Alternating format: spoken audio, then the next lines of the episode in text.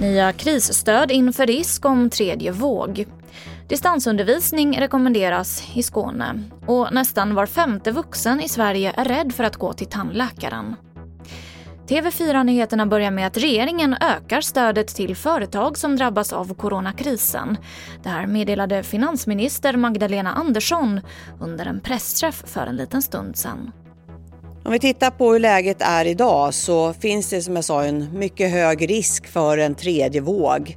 Eh, samtidigt som vi har ett väldigt allvarligt läge på arbetsmarknaden och många företagare har det oerhört tufft och har haft det tufft under en längre tid.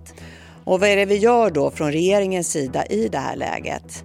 Jo, det är att vi kommer att öka takten för att rädda svenska jobb genom den här krisen. Och därför har vi beslutat att flera stöd ska förlängas nu under april ut.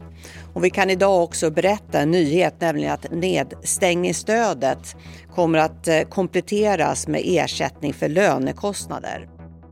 Smittskydd Skåne rekommenderar alla högstadieskolor och gymnasier att ha distansundervisning efter sportlovet. Och anledningen är delvis att smittan ökar igen, men också att sportlovet kan innebära nya kontakter med risk för smitta.